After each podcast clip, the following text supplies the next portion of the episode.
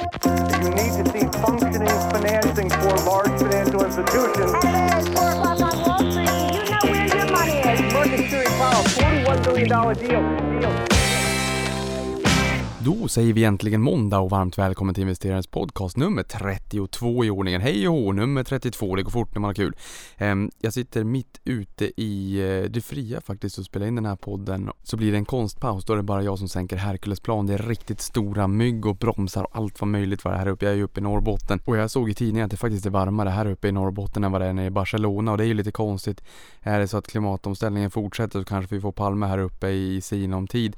Nåväl, det är varmt och man man blir ju lite dosig får man väl minst sagt säga. Men, men även fast det är sommar så kan man ju inte släppa greppet om börsen. Det händer ju ganska mycket och som ni vet volymerna faller ju lite grann och eh, nyheterna får lite större genomslag och när jag spelar in det här så har det idag då i Finland varit ett toppmöte mellan Donald Trump och eh, Putin i Ryssland som marknaden med tillförsikt har följt och sett utvecklingen på och det här har ju inte varit kanske jätteglada miner kring just det här mötet och att eh, man oroar sig lite grann för att både USA och Ryssland då ska närma sig varandra. Eh, och där har Vladimir Putin också sagt att eh, EU och Kina är våra gemensamma fiender. Så att det, det här känns ju kanske inte sådär superroligt. Men vi får väl se vart händer bär. Nu är det dags att kika lite grann på vad som har hänt senaste veckan sedan vi hördes vid sist och då kan vi säga att OMXS30, alltså de 30 mest omsatta aktierna på Stockholmsbörsen är upp 1,75%. Så det var en ganska bra uppgång och veckan innan så var ju desto tråkigare faktiskt. Så att det är rätt skönt att vi fick en, en rätt hygglig uppgång på börsen under veckan men eh, vi ligger fortfarande på minus för hela året om vi då inte räknar med återinvesterad utdelning för då ligger vi på plus. Då är det alltså 630 RX man får kika på, då ligger vi faktiskt på plus. Eh, och det bolaget som lyckades stiga allra mest det är AstraZeneca som bjöd på en uppgång på 7,5%. Kikar vi på Stockholmsbörsens breda index OMXSPI så gick den upp 2,01, alltså lite mer då. Och det här var det Active Biotech som steg hela 42% och det är ju medtech biotech-bolagen som har gått riktigt, riktigt bra i år. Eh, och det ser vi ju fortsatt här under veckan också. Dow Jones i USA, de eh, 30 aktierna som man får säga vara blue chip-bolag eller viktiga för den amerikanska ekonomin, amerikanska börsen orkade stiga 2,3% och Walt Disney steg 5%. Han har ju haft det lite motigt på senare tid men nu eh, pinnade den på lite extra och vart faktiskt vinnaren i indexet under veckan och kampen om att få köpa de mesta tillgångarna då i 21st Century Fox går vidare helt enkelt och Disney är ju helt dominerande egentligen ehm, när det kommer till box office i USA och är det så att man skulle köpa största delen av inkråmet då i 21st Century Fox så skulle man även få rättigheterna till exempelvis då Deadpool, X-Men, Avatar med flera och det här skulle i sådana fall innebära om man kikar på 2018 att man tillsammans då med de här rättigheterna från förvärvet av 21st Century Fox om det skulle gå igenom så skulle man stå för närmare halva den domestika marknaden i USA i år. Så att det är ju en enorm, dels är det en enorm affär och sen är Walt Disney ett stort bolag också även om Netflix faktiskt har gått om i börsvärde mätt. Men vi får se om den här affären går igenom. Det är ju en budstrid som pågår just nu men om det är så att det skulle gå igenom så skulle det vara en stor affär. Nåväl, den har gått upp ganska mycket under veckan i alla fall. Tittar vi på Nasdaq så steg Nasdaq 1,79% och där var det Staffing 360 Solutions som gick upp 96%. S&P 500, 500 största börsbolagen i USA, oavsett om de kommer från och är listade på Nyse eller Nasdaq, eh, steg 0,62% så lite mindre och där var det ett bolag som heter CA Inc, CA Inc som steg 20% då. Och de har de mjukvara inom business to business och har fått bud från eh, Broadcom. Och sen har vi Eurostox 50 då, alltså blue chip-bolagen i Europa som backade minus 0,17% så lite bistrare i Europa medan vi fick eh, en positiv utveckling både i Sverige och i USA då. Men där var det Airbus, eller Airbus som steg 6,8% då. Eh, konkurrenten till amerikanska Boeing. Eh, och här uppe där jag befinner mig så har vi Norrbottens-Kuriren, vi har också NSD. Och därför är man med ensida ekonomi. Men eh, jag brukar kika på den där och, och idag så hittade jag att de har något som de kallar för Norrlandslistan. Problemet är nog bara att det inte riktigt var en solklar koppling när det kommer till alla bolagen och Norrland. Men de som är på listan är A3, Alimak, Arctic Minerals, Boliden, Clas Olsson, det är ju faktiskt Stensjön så det är ju inte ens Norrland. Copperstone Resources, Endomines, Lovisa-gruvan, MP3 Fastigheter, Opus Group, Orizon, Railcare, SCA, Skistar, Sandvik, Sotkamo och SSAB. Och SSAB, ja, de finns ju i Luleå också men där är ju även Borlänge då, eller Bolange Så det är ju Dalarna där också men där är det ju delad vårdnad egentligen mellan då Norrland kanske och, och eh, söderut helt enkelt. Men det var roligt i alla fall. Jag tyckte det var lite roligt när jag eh, såg den där så då la jag upp den på Twitter och sen så fick jag snabbt tillbaka till svar då att jag fick en Upplandslistan också från en tidning där nerifrån helt enkelt. Så att, ja, kul. Och sen på en kvällspromenad så gick jag förbi potatislandet här i Sävast i Boden också. Då såg jag en maskin där, det var ett flertal olika maskiner men på maskinerna så var det brandat både Kramo och Atlas Copco. Det var lite roligt, speciellt som aktieägare i Atlas Copco då. Och som du säkert känner till så har man ju alldeles nyligen avknoppat gruvverksamheten inom Atlas och särnoterat den under namnet Epiroc. Där ställde jag ju en fråga på Twitter också hur man då gjorde, om det så att man behöll sina Atlas-aktier eller om man behöll sina Epiroc-aktier. Eller om man sålde Atlas eller om man sålde Epiroc. Det verkade som att de allra flesta som svarade på den här i alla fall behöll båda två helt enkelt. Det som är intressant med Epiroc också är ju att en stor del av deras försäljning är repetitiv. Ehm, så att det, är liksom återkommande intäkter och det här är ju någonting som marknaden också gillar och det här har ju också länge varit caset.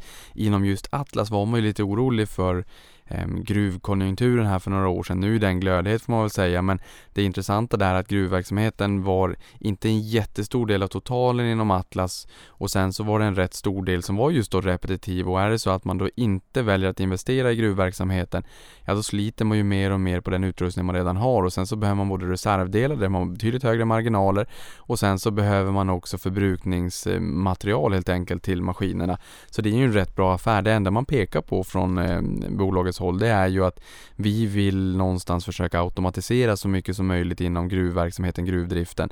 Och är det så att man automatiserar fordonen i gruvorna, ja men då kommer det bli mindre eh, skador. För att en stor del av de här reparationsarbetena och eh, efterfrågan på eh, reservdelar kommer från den mänskliga faktorn att någonting går sönder eller man kör in i någonting. Och är det då så att man kan få en, en allt högre grad av automation då kanske det också kommer att påverka behovet och efterfrågan på reservdelar negativt för Epiroc. Men allt annat lika, det ska bli spännande att fortsätta följa det här bolagets framfart på börsen i egen regi. Och det här har ju varit en trend på senare tid just att man man eh, avknoppar och särnoterar olika verksamheter för att de ska få leva i egen regi. Och man tänker att en renodling gör att man kan fokusera på verksamheten istället för att en, del av verksamheten ska vara en, en, en, liten del av en stor helhet och inte få den kärlek som den kanske behöver. Vi har också sett eh, Qliro exempelvis nu då som delar upp sin eh, verksamhet med, med Qliro eller Sedon eh, Marketplace, Qliro Financial och Nelly i tre olika bolag. Eh, och det är många andra bolag som har gjort det här också då så att säga. Att man försöker eh, någonstans eh, ta fram och, och, påvisa värden så att säga. Där man, man tror att ehm, de delarna är mer värda än helheten. Some of the parts är, är mer värt än helheten så att säga och det är något som även Christer Gardella var inne på lite grann när det kommer till ABB och robotics-delen, att man ville notera det också. Så det är någonting som har varit lite trendigt på senare tid. På 70-talet så var det ju konglomeratens tid kanske då istället. Vissa av er kanske kommer ihåg att eh, Kalles Kaviar har varit ägt av Volvo. Nu är det ju norska Orkla. ABBA, men eh, ABBA ägs av norska Orkla då.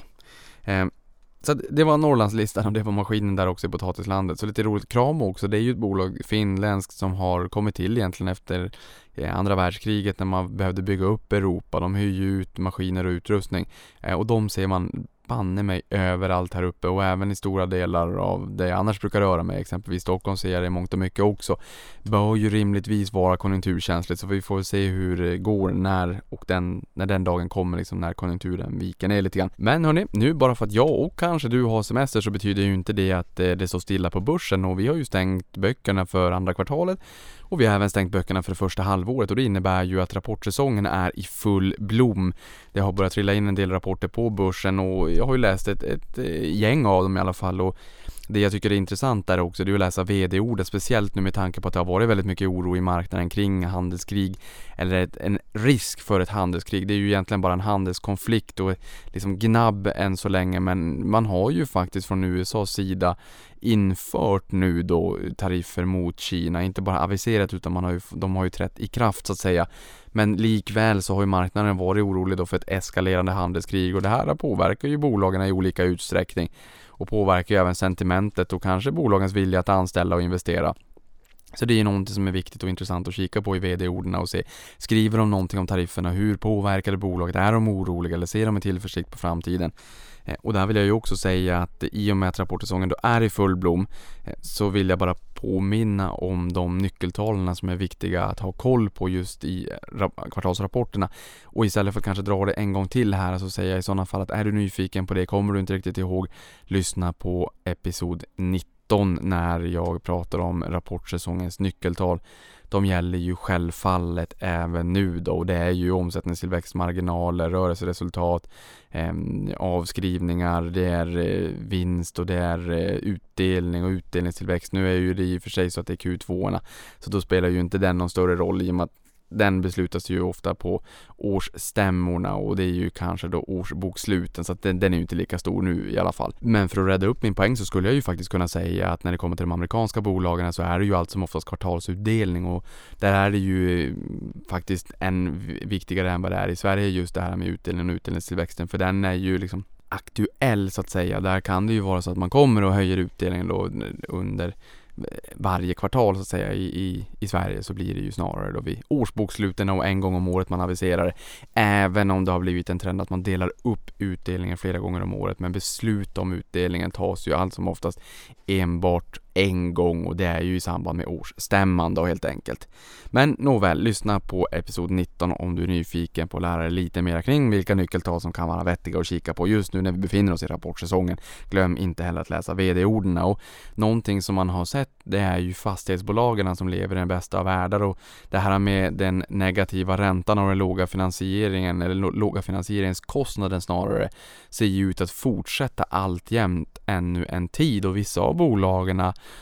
där har vi ju sett att de faktiskt sänker sin finansieringskostnad. Nu kan man ju tycka att eh, finansieringskostnaden har varit väldigt låg under lång tid och det stämmer ju så motto att både Riksbankens reporänta och finansieringskostnaderna på marknaden är betydligt mycket lägre än i ett historiskt perspektiv.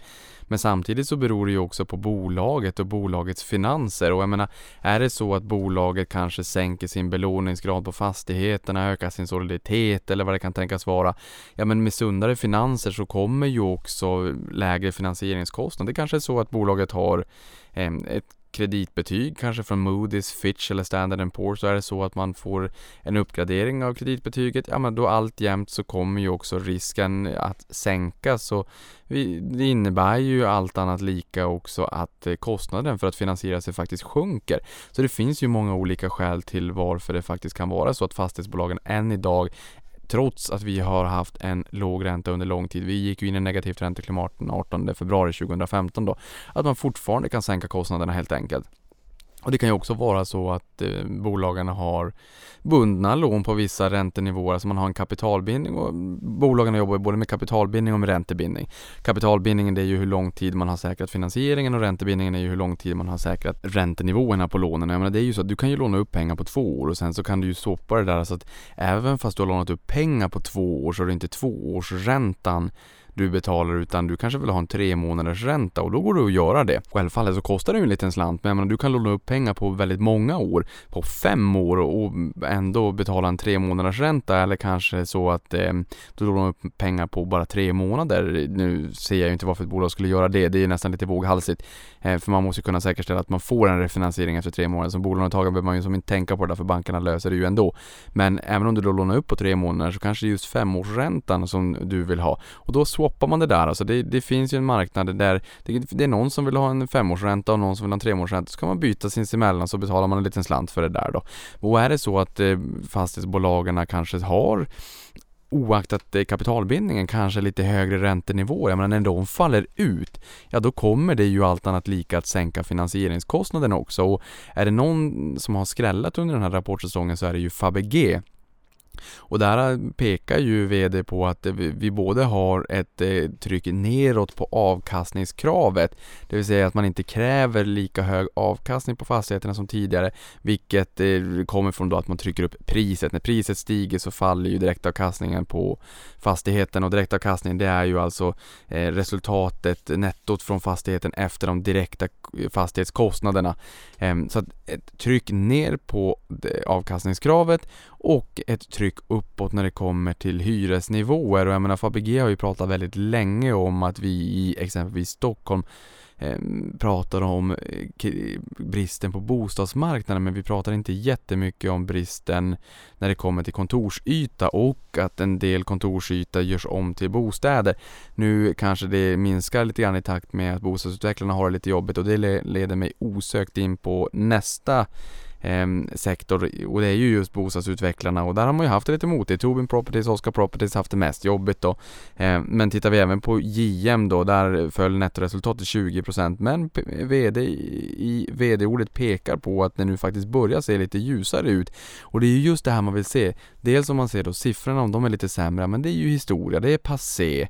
Eh, men då vill man också blicka framåt för att börsen är ju framåtblickande och då är det ju ganska intressant att se vad skriver VD i VD-ordet, vad ser man där ute?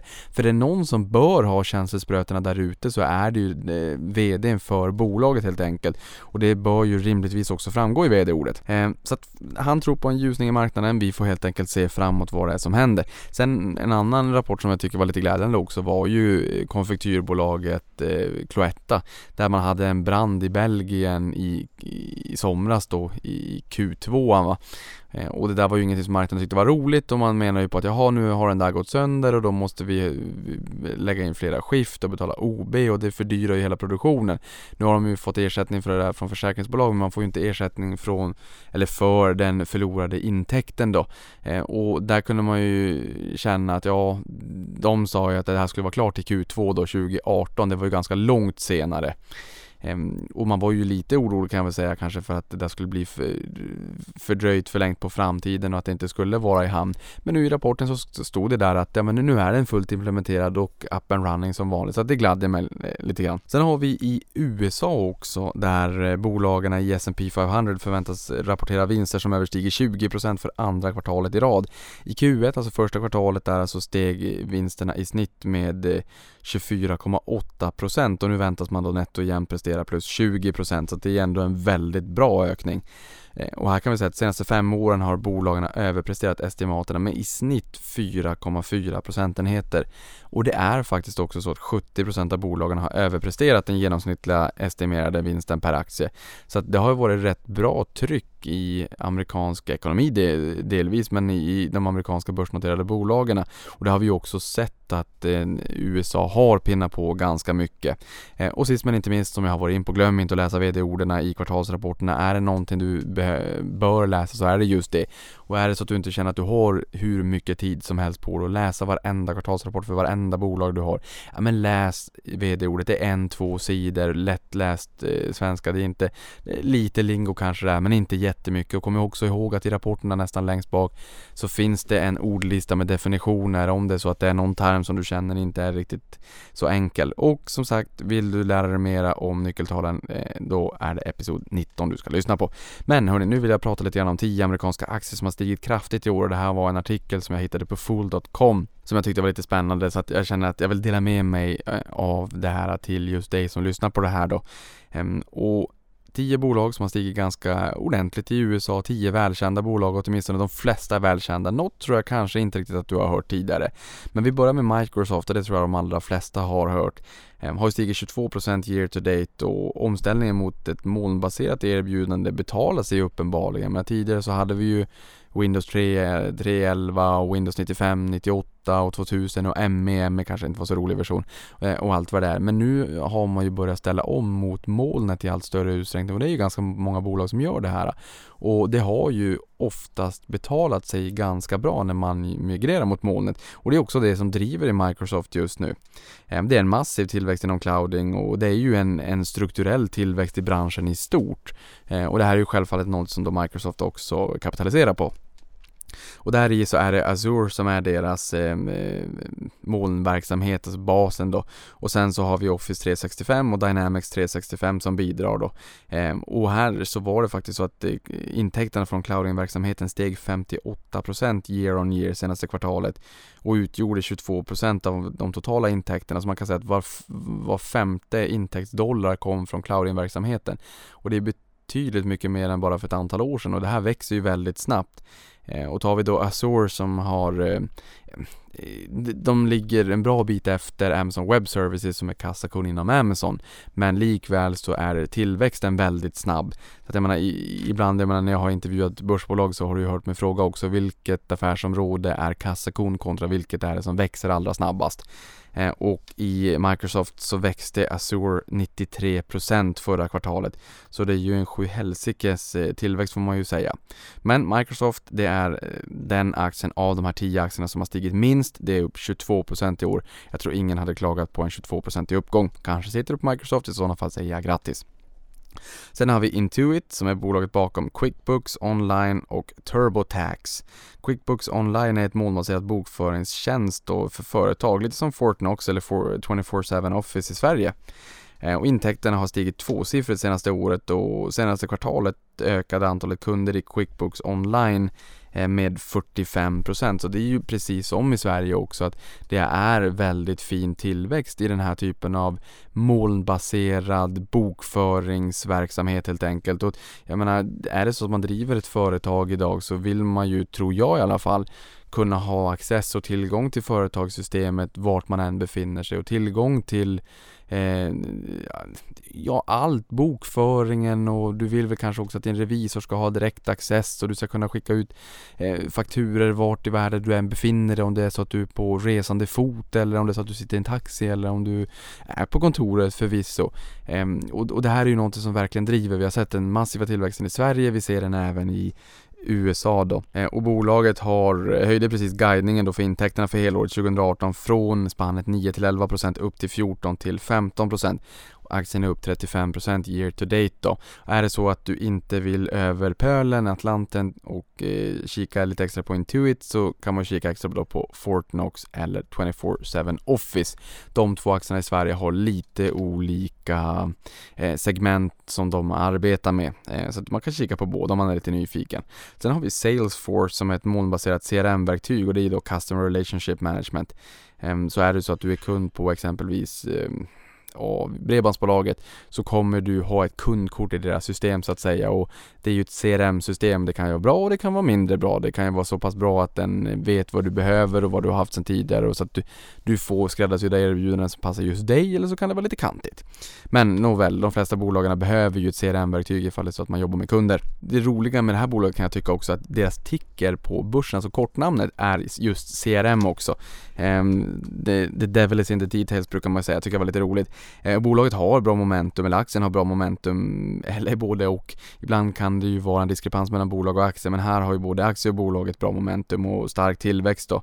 Och har faktiskt vid ett flertal tillfällen höjt sin guidance både för 2018 och för 2019. I första kvartalet steg intäkterna med 25% och eh, den justerade vinsten per aktie steg med hela 79%. Och just det här med justerade vinster, det är något som amerikanerna gillar. Det har blivit väldigt mer populärt på senare år. Ibland kan det vara rimligt att man har just non-gap-siffror, men när det förekommer så kan det ju vara vettigt att kika på varför har man non-gap-siffror?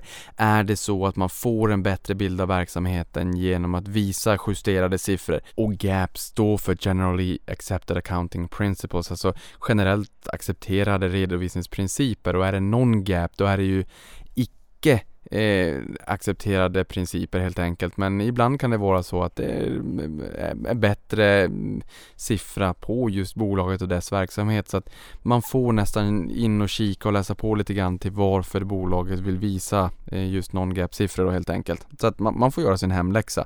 Eh, men eh, nåväl, det är väldigt stark tillväxt som det här bolaget visar och aktien har stigit 45% i år och rider ju på trenden att fler företag behöver använda sin data för att förstå sina kunder och öka yielden på kundstocken. Här kan man ju säga när det kommer till eh, exempelvis åkermark, alltså jordbruket, så behöver man öka crop yield och det innebär ju att man behöver få mer eh, skörd per hektar yta kan man säga. Och när det kommer till Salesforce och CRM-verktyg så behöver man ju öka yielden på sin kundstock. Alltså hur kan vi kräma ut mer pengar på våra kunder? Inte bara för att eh, kränga iväg iväg produkter på dem eller tjänster utan snarare för hur kan vi använda våran data för att dra insights och bättre förstå våra kunder och vad de vill ha och kunna erbjuda rätt produkt eller rätt tjänst till rätt pris och också kunna tjäna mera pengar. Och ni vet att jag brukar lyssna på Jim Cramers Mad Money i USA. Han har sagt att de som inte använder artificial intelligence och big data kommer vara som eh, egentligen om man tittar på sportvärlden, om det är någon som börjar dopa sig så kommer det vara väldigt svårt för de som inte gör det att hänga med. Självfallet ska ingen dopa sig men här menar han väl kanske snarare att när det kommer mer och mer teknologi, när det blir mer AI och big data så om ett bolag börjar använda den här datan på rätt sätt för att förstå sina kunder och krama ut mera intäkter per kund så kommer de andra bolagen behöva hänga med för annars hamnar man på efterkälken. Salesforce är ett sånt bolag som ligger helt rätt i trenden när det kommer till den utvecklingen helt enkelt. Så att här är det ju strukturell tillväxt. Ehm, sen har vi Amazon, behöver knappast någon närmare introduktion. Ehm, och giganten förväntas också snart äntra den svenska marknaden. Eh, nu när jag spelar in det här så är det ju måndag kväll den 16 juli och det innebär ju också att Amazon Prime Day ehm, eh, drar igång och jag fick en liten pushnotis här när jag satt och spelade in eh, som sa att Amazons sajt kraschade. Eh, det är väl förmodligen alldeles för stor belastning så det är ju lite jobbigt. Vi får väl se vad som händer. Det brukar ju vara en enorm försäljning under de här Prime Day-dagarna och att en stor del av försäljningen under året faktiskt kommer under den här massiva jag tror att det är 12, 36 timmar nu som man kör den här gången då. Eh, så det ska bli intressant att följa med amerikansk media och se hur, eh, hur utfallet blev och det är förmodligen något jag säkert kommer att prata om nästa vecka när vi hörs igen då. Och ytterligare en kuriosa kan ju också sägas vara att jag fick ytterligare en pushnotis ikväll som visar att Jeff Bezos, VD och grundare för Amazon faktiskt blev världens rikaste person nu här och är god för 150 miljarder dollar så att det är, ja, det är över 1000 miljarder nu här så att det är en enorm summa och alltså världens rikaste person mätt i eh, officiella tillgångar. Sen är det ju många som pekar på att det kanske finns andra människor som har betydligt mycket mera pengar men som inte riktigt syns, typ Putin. Ehm, det kan ju jag inte sitta, man kan ju sitta här och säga men man har ju liksom ingen aning. Men när det kommer till officiella tillgångar mätbara så är det Jeff Bezos som är etta numera. Eh, och bolaget, jag menar Amazon rider ju på trenden mot ökad e-handel helt enkelt. Det här är ju också strukturell tillväxt eller snarare då driver segmentet kan man ju också säga att Amazon faktiskt gör. Eh, och I Q1, alltså första kvartalet, steg intäkterna 43% och vinsten steg 121% year on year, alltså jämfört med Q1 2017 och det är ju Amazon Web Services då som är kassakon och Amazon Web Services, alltså clouding-verksamheten, där har vi sagt att e-handel är en strukturell tillväxt, clouding är en strukturell tillväxt. Här har du båda komponenterna i Amazon. Det är clouding-delen, alltså molnverksamheten som är kassakon som också göder de andra områdena där man går in i helt enkelt.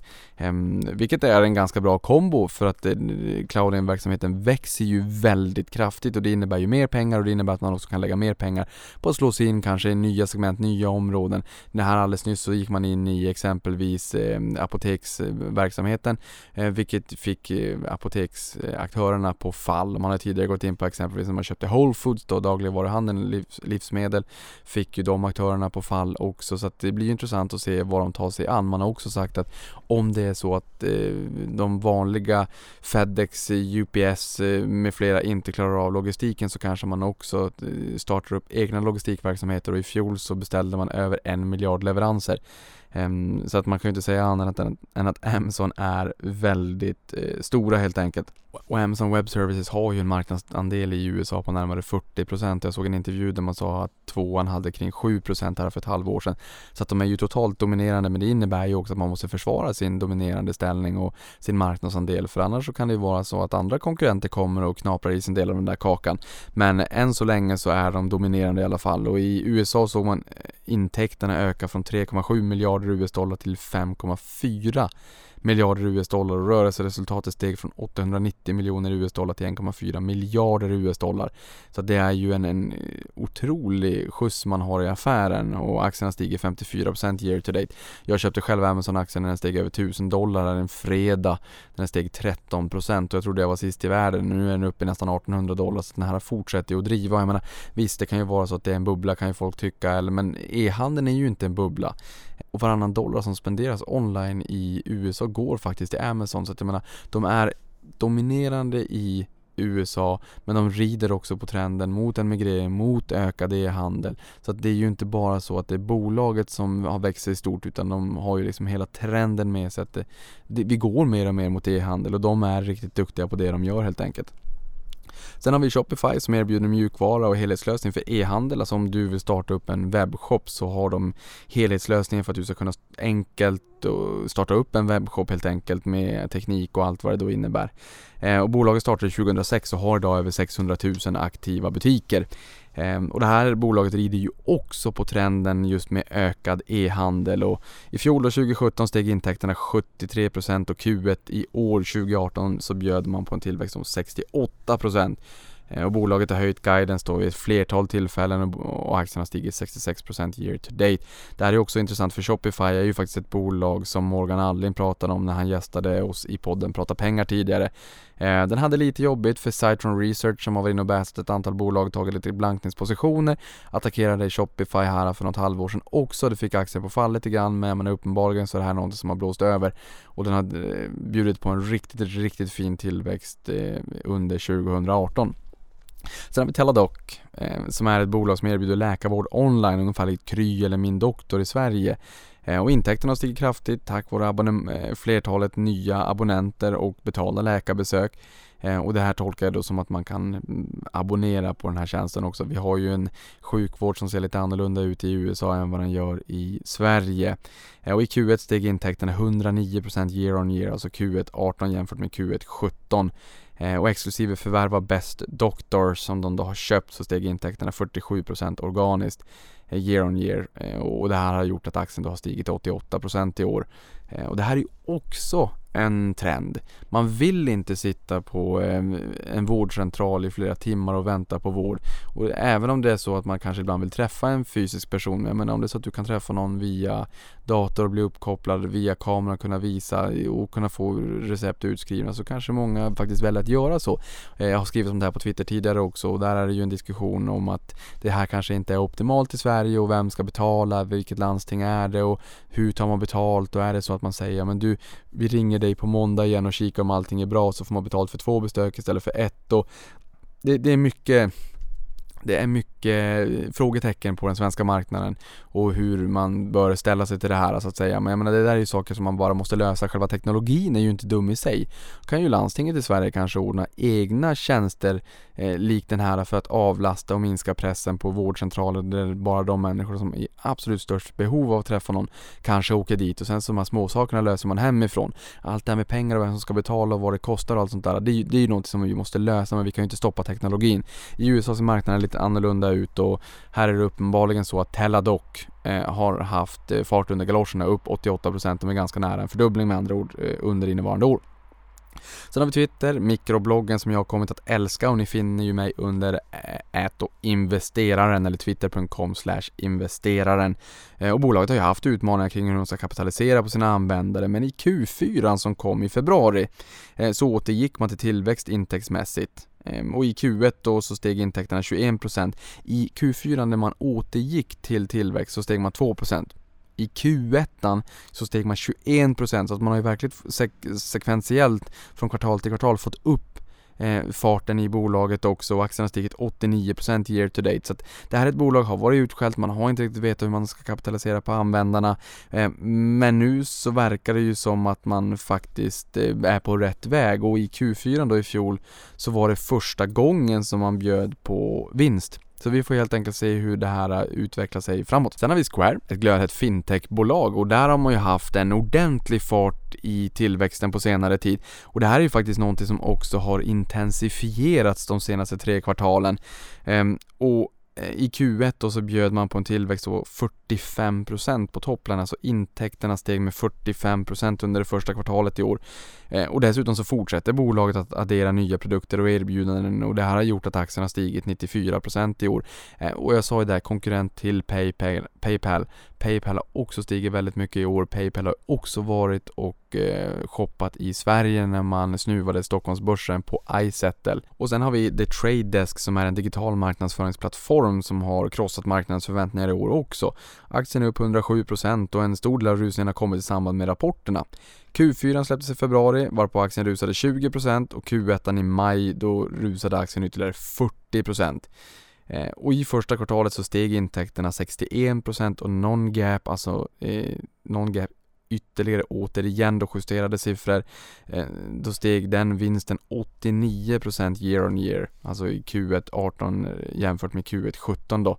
Ehm, och det här bolaget, när man går in på deras hemsida och ser en liten informationsvideo så jämför de de gamla skyltarna längs motorvägarna med kanske en, en ehm, bilreparatör och den här ser, någon som kör förbi den där skylten dag ut och dag in ser ju den här skylten hela tiden. Och sen om bilen går sönder, men då vet man ju att den där reparatören finns där och sen så åker man in och repar bilen. Men om du skulle fråga ägaren så här, vad har den där skylten gett? Ja men då kanske de inte riktigt kunde säga att jo men den har gett så här och så här många kunder och så här mycket intäkter och så här mycket vinst. Eh, men här menar man från det här bolagets sida att ja men nu kan vi faktiskt använda data eh, och via digital marknadsföring, via programmatic som är en trend, att man liksom i realtid budar, det är mikro eh, auktioner där man budar på vad jag är beredd att betala för exponeringen på DI eller Svenska Dagbladet eller vad det kan tänkas vara. Och den som bjuder mest, den vinner där. Så det är hela tiden en budgivning och det finns plattformar för det här helt enkelt, eller marknadsplatser för just den här programmatic. Och det är det här det Trade Desk då eh, tillhandahåller just mjukvara för att man ska förstå bättre på vad ger den marknadsföringen och de pengarna vi lägger ner? Hur mycket bang for the buck får vi? Så de vill ju ge insights och visa bolagen på att det är det här ni faktiskt får för pengarna i förhållande till om vi då säger de stumma vägskyltarna längs motorvägarna där man faktiskt inte kan eh, på ett enkelt sätt förstå vad de faktiskt ger i slutändan. Man vet ju hur mycket man betalar för exponeringen men man kanske inte riktigt vet hur mycket den där exponeringen faktiskt ger i slutändan. Och det här med programmatic, det är en trend som är eh, stor. Jag vet att vi använder den själv på Avanza och jag menar idag handlar det ju bara om data, data, data, data, data hela tiden. Och man måste liksom kunna förstå datan och man måste kunna dra insights som man måste kunna bättre tillhandahålla bra verktyg för att kunna få ut mera värde av de slantar man lägger på marknadsföring. Och det innebär att vi måste liksom någonstans förstå vad lägger vi pengarna på och vad ger det oss och hur kan vi optimera och hur kan vi förbättra the bang for the buck helt enkelt så att vi inte kastar eh, bra pengar för dåliga pengar eller bara eldar för krokarna och det här är någonting som då The Trade Desk faktiskt hjälper med. Och som sagt aktien har stigit 107% i år eh, efter en riktigt stark performance. Sen har vi Netflix, behöver vi knappast heller presenteras närmare. Bolaget släpper sin rapport nu ikväll måndag den 16 juli så får vi helt enkelt se. Den har gått upp ganska mycket. Eh, och det återstår ju att se helt enkelt om det är så att eh, rapporten nu som kommer ikväll också kan leva upp till de förväntningarna som är ställda i marknaden. Men det här är ju ett bolag som har gått oerhört bra på senare tid och eh, jag köpte det här för några år sedan då kanske jag tyckte att det var ett, eh, teknologirisken som var överhängande. Nu är det kanske inte det i samma utsträckning utan snarare innehållet och där är man ju en riktigt stor spender i Hollywood med en budget på någonstans 7-8 miljarder dollar och det krävs ju också att det blir riktigt bra eh, produktioner av det hela och det, än så länge så har de ju faktiskt använt de där pengarna väl och vi kan också säga att när jag kommer till nyhetssvepet så kommer jag berätta att Netflix har gått om HBO eh, i antal Emmy-nomineringar och det här är faktiskt första gången på 17 år. HBO har fått de här nomineringarna i 17 år i rad. Nu är man bräckt av Netflix och det här är ju verkligen en milstolpe för Netflix då. Ehm, och det här aktien har ju gått riktigt bra och rusat förbi anrika Walt Disney också. I Q1 steg intäkterna 43,2% och antalet abonnenter steg 7,41 miljoner vilket var över förväntningarna och bolagets egen guidance och tillväxten här är den snabbaste tillväxten bolaget någonsin har bjudit på. Så det går ju enormt snabbt, aktien är upp 115% year to date. Så det här var 10 aktier i USA som eh, har gått riktigt bra. Nu är det inte de 10 aktierna som har gått allra mest. Det finns självfallet aktier som har gått betydligt mycket mer än så här men det är ändå stora bolag som har eller rider på en stark trend och som har gått upp väldigt mycket och samtliga är ju inom gebitet liksom techsektorn och tech driver ju. Jag såg en tweet på Twitter idag att hade det inte varit för techsektorn i S&P 500 som utgör 26% ungefär så hade indexet faktiskt varit ner för hela året. Eh, och det, menar, vi har ju tech tech som som är traditionella techbolag men jag menar, sen har vi ju tech också. Det vanliga traditionella bolag känner att okej okay, men digitaliseringen har kommit långt men vi kanske inte har kommit lika långt. Vi måste också digitalisera vår verksamhet. Inte bara frontend, vad som syns ut mot kund, att man har appar i mobilerna utan också bakomliggande system. Vi måste bli mer digitala helt enkelt och det här är ju en enorm strukturell tillväxt globalt och kommer vara så under många, många år framöver. Nu är det dags för nyhetssvep, för nu kommer jag se ut som en prick i korv imorgon för det är riktigt mycket flygfan här ute och det börjar bli riktigt jobbigt. Ehm, jag sitter utomhus efter det är lite liv och stoj inomhus och jag vill ju att det här ska bli lugnt och skönt när ni lyssnar på det här. Men franska vårdjätten, eh, försöker inte ens uttala det, Ramsey General de Santé ja, la ett bud på Capio i veckan om 48 kronor och 50 öre per aktie eller en premie på 16 procent och det här budet avvisas av styrelsen varpå marknaden nog kanske tror att budet kan komma att höjas en aning och, eftersom att aktien steg hela 27 procent istället. Och eh, ja, som jag sa där, det här nobbades ju av både styrelsen men nobbades även av en storägare också. Sen har vi Elander som gladde sina aktieägare med ett bättre resultat än väntat i Q2, vilket gjorde att aktien steg 13%. Trevlig uppgång. Omsättningen steg 15% varav 10% var organiskt. Men aktien är faktiskt fortfarande ner 40% sedan toppen 23 september 2016. Så det ska man ju också ha med sig att när man har haft en ganska negativ utveckling så eh, kanske det inte behövs jättemycket och att man då visar på att nu kanske det är dags att börja vända igen så kan det ju pinna på ganska bra uppåt. Sen har vi Net Entertainment som åkte på ytterligare en kalldusch efter svag tillväxt i Q2 och aktien åkte rutschkana ner 18,6%. Eh, och bolagets VD kommenterade till Nyhetsbyrån direkt att bolagets negativa tillväxt i euro är en besvikelse. Eh, och i vd-ordet står att läsa att de upplever en ökad mognadsgrad och konkurrens på kärnmarknaderna i Norden och UK. Och vi får ju också eh, den här eh, ut, spelutredningen då som kom 31 mars i år. Ja nu visar det, man har ju klubbat igenom det här att 19 januari 2019 då träder det ur kraft och vi har ju sett både Svenska Spel och även ATG, alltså aktiebolaget Trav och Galopp som beställer live kasinolösningar från eh, Evolution Gaming, vilket kanske känns lite udda men nu händer det ganska mycket i sektorn där ute eh, och det kanske också kommer göra att konkurrensen hårdnar och då kan man ju fråga sig om det är rätt att äga just eh, leverantörer då, hackar och spader istället för att leta guldet själv. Det återstår ju att se helt enkelt. Jag har ju lovat att jag ska ha med Peter Hedlund från Börsveckan som är expert på spelbolagen eh, och det kommer jag också ha. Det får förmodligen bli efter sommaren. Eh, och där kan jag också säga bara som kurios att jag kommer även ha två gäster nästa vecka. Dels Marcus Hernhag och sen så kommer jag även ha eh, Anders från tidigare då SEB, råvaruguru där, för ni, det, ni är många som har efterfrågat ett eh, fokusavsnitt just på råvaror och är det någon som ska prata råvaror då är det Anders för han har stenkoll på det där. Eh, så det ska bli otroligt intressant att lära sig ännu mera om råvaror, tycker faktiskt även jag. Sen har vi bostadsutvecklaren JM som dragits med i bäsen och fallit 56% sen toppen 10 maj i fjol men steg nu 15% på sin rapport eh, i fredags trots att rörelseresultatet föll 18% jämfört med fjolåret. Men som vi vet, börsen är framåtblickande och mycket har ju varit inprisat. Eh, och JM brukar ju sägas vara ett derivat på Stockholms bostadsmarknad men nu utgör faktiskt huvudstaden bara 50% av eh, försäljningsmixen, eller bara, men det är mindre än vad det har varit tidigare. Det har varit runt två tredjedelar. I Stockholm minskade vinsten 31% medan den steg 3% i övriga Sverige och den steg 25% för JM Utland. Så det är ju inte bara eh, tråkigheter i, i eh, bolaget utan det finns ju ljusglimtar här och var och jag menar, det, har vi liksom tillväxt både i övriga Sverige plus en, en riktigt hygglig tillväxt utomlands och sen att vi kanske får en vändning i Sverige och eh, haft en aktie som faller fallit väldigt mycket så kan det ju kanske bli ganska trevligt men det gäller ju också att veta när vänder det. Är det så att man nu vill köpa JM så kanske det inte är något fel att eh, köpa på sig en post där så att det fortsätter ner att man bygger upp en position över tid i sådana fall för att ingen vet ju exakt när, när vändpunkten är i bolag som har fallit kraftigt så att är det så att man vill in i den då kan det ju vara liksom, kan ju vara vettigt att köra det klassiska epitetet buy to build istället för buy and hold. Att man bygger upp positionen då. Eh, och i vd-ordet så nämner Johan Skoglund att det är en viss stabilisering som har skett i Stockholm och man planerar fler produktionsstarter i andra halvåret förutsatt att man ser en fortsatt förbättring. Så det var Netflix som jag sa här alldeles nyss, då har för första gången gått om HBO mätt i antal Emmy-nomineringar varpå en 17-årig svit är bruten. Netflix fick 112 nomineringar och eh, 108 stycken då för HBO.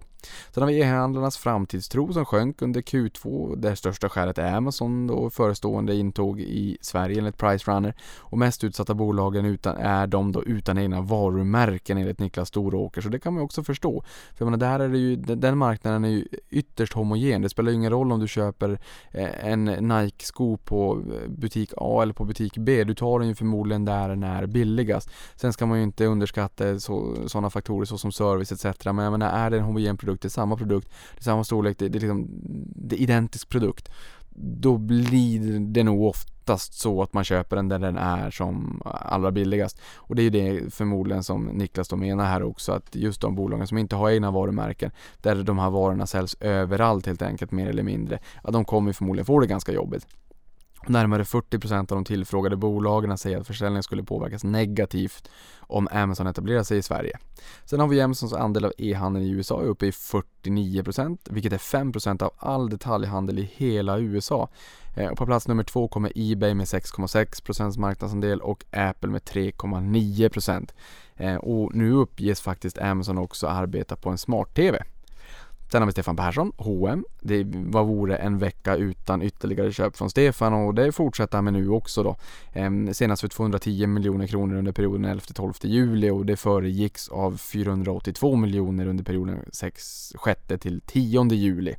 Sen har vi världens största laxodlare Marine Harvest som har råkat ut för en laxflykt om ungefär 680 000 fiskare i Chile.